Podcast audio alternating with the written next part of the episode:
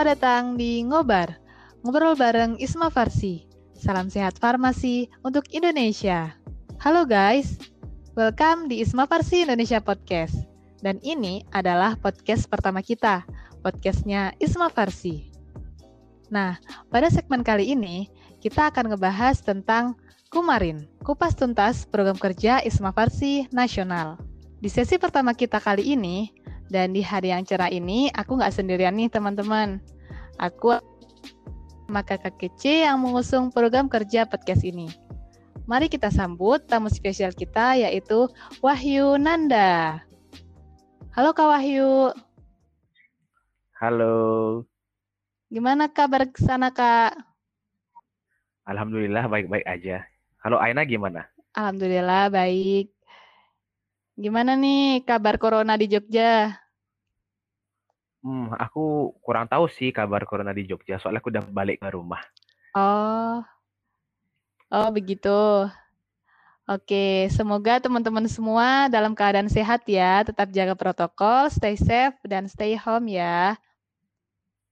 Oke, langsung aja. Jadi di sesi kemarin ini kita akan ngebahas tentang tugas-tugas dan kerjaan yang akan dilakuin Kak Wahyu sebagai staf ahli teknologi dan informasi Isma Farsi Indonesia. Mungkin setelah mendengarkan podcast ini bisa nih teman-teman ikutin jejak Kak Wahyu yang kece pada ini. Langsung aja ya Kak. Oke? Oke. Uh, Oke Kak, uh, pertama-tama bisa kenalan dulu dong Kak. Asal, jurusan, dan semester berapa ini Kak? Oke, aku kenalan diri, diri dulu ya. Halo semuanya yang sudah mendengarkan podcast Ngobrol Bareng Isma Farsi. Perkenalkan nama aku Gusti Nanda Krista Yuda. Teman-teman biasanya manggil aku Wahyu. Ya tentunya aku jurusan farmasi di Universitas Gajah Mada dan sekarang aku kebetulan lagi udah semester 6 ya teman-teman. Oh, Oke, okay. Uh, ini ya Kak, mungkin ini pertanyaan yang pertama. Jadi apa sih staf ahli informasi dan teknologi itu?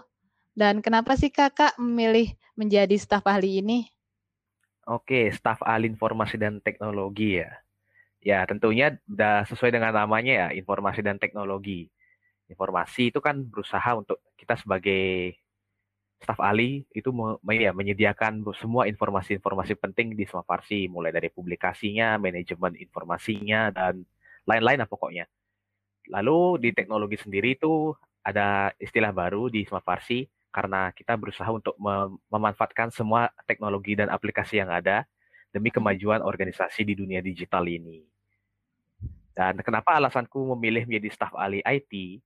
Karena itu pertama satu sesuai dengan passionku karena aku juga apa ya ber, sering berkutat di digital dan yang kedua karena IT itu IT itu lebih fleksibel kerjanya nggak seperti SA-SA lainnya yang perlu rapat terus terus yang perlu ada kunjungan-kunjungan ke mana-mana dan dan lain sebagainya. Nah IT itu kerjanya kalau udah bisa online dan ada internet sama perangkat beres gitu kerjanya IT seperti itu. Oh gitu. Oke. Udah paham kan teman-teman tentang uh, staf ahli IT itu? Jadi uh, selanjutnya nih Kak, pertanyaan kedua. Uh, program kerja apa sih Kak yang ada di uh, staf ahli informasi dan teknologi? Oke, untuk program kerja ya, apa yang aku kerjakan selama satu periode pengurusan. Intinya sama seperti kayak program kerja periode lalu, tapi -hmm aku beberapa nambahin karena kita berusaha untuk merebranding organisasi kita. Isma Farsi kan cuma kalangan farmasi aja yang tahu ya, tapi uh, warga-warga netizen lain lah istilahnya itu kan nggak tahu dia apa sih Isma, Isma Farsi, apa sih tuh gitu organisasinya. Nah, jadi tugasku di sini adalah merebranding, ada tambahan program kerja baru seperti, nah contohnya podcast ini. Nah, hmm. di mana kamu mau wawancarai aku ini contohnya rebranding program kerja ini ya IT ya. Nah seperti uh. itu contohnya. Dan kita juga ke depannya bakal podcast itu nge-rebranding segala hal yang berbau kefarmasian. Terus yang kedua kita juga bi bakal nyediain microblog. Microblog itu buat informasi-informasi yang bisa dikonsumsi di IG ya. Itu yang bisa di swipe-swipe itu. Nah itu contohnya microblog.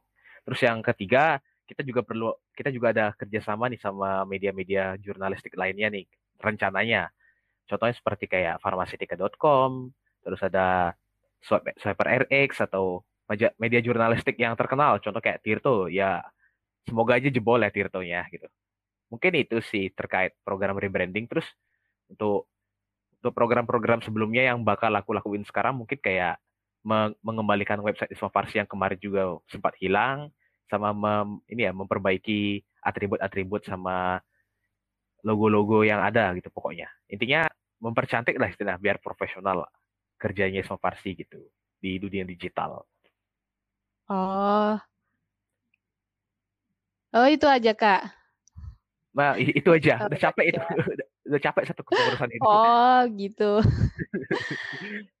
Setahu aku, tahun kemarin itu namanya itu bukan uh, teknologi dan informasi ya.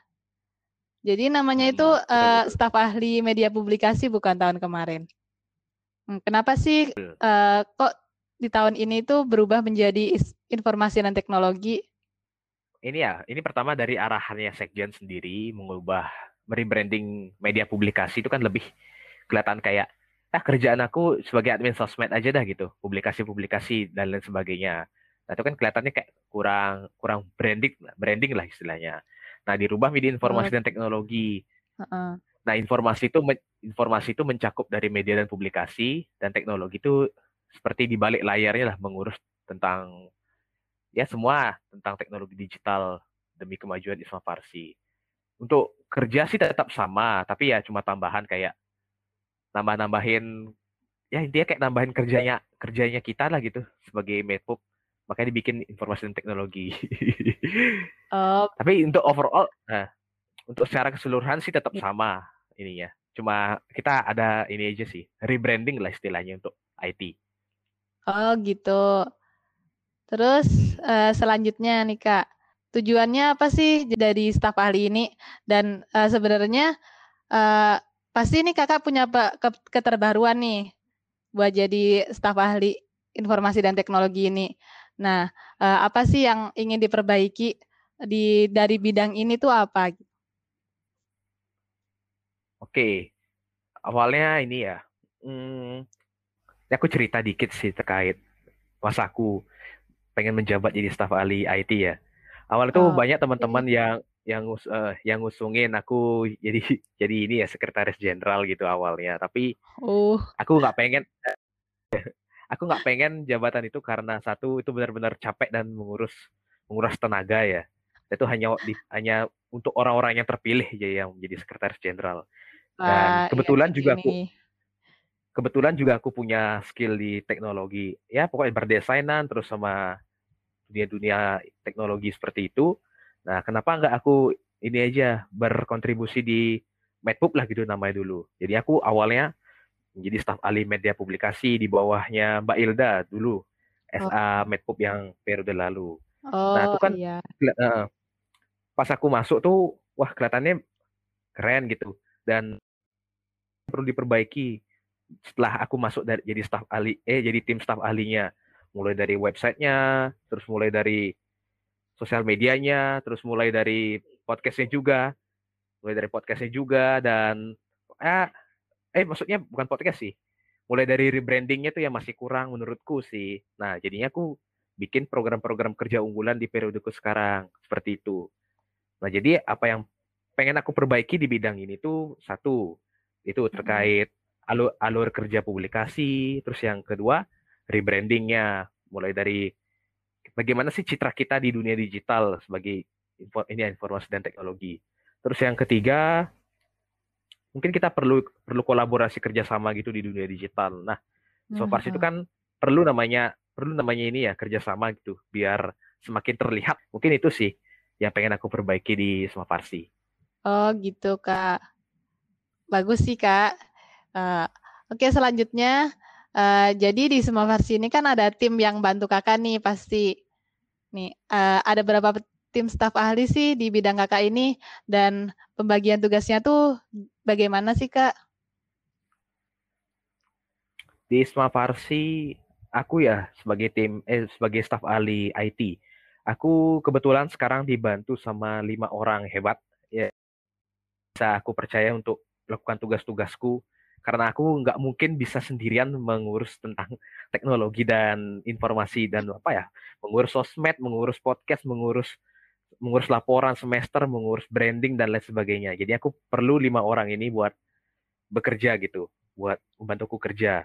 Nah itu pembagiannya oh ya sebelumnya aku sebutin aja nama-namanya.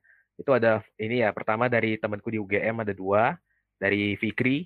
Itu sebagai ini ya uh, penanggung jawab di bidang video, eh, videografi dan audiografi gitu. Terus yang kedua ada ada Caroline itu penanggung jawab di bagian ini ya semester report sama mengurus publikasinya SCP sekaligus juga membantu ini ya penanggung jawab desain. Terus yang ketiga dari UNED ada Fatima sendiri.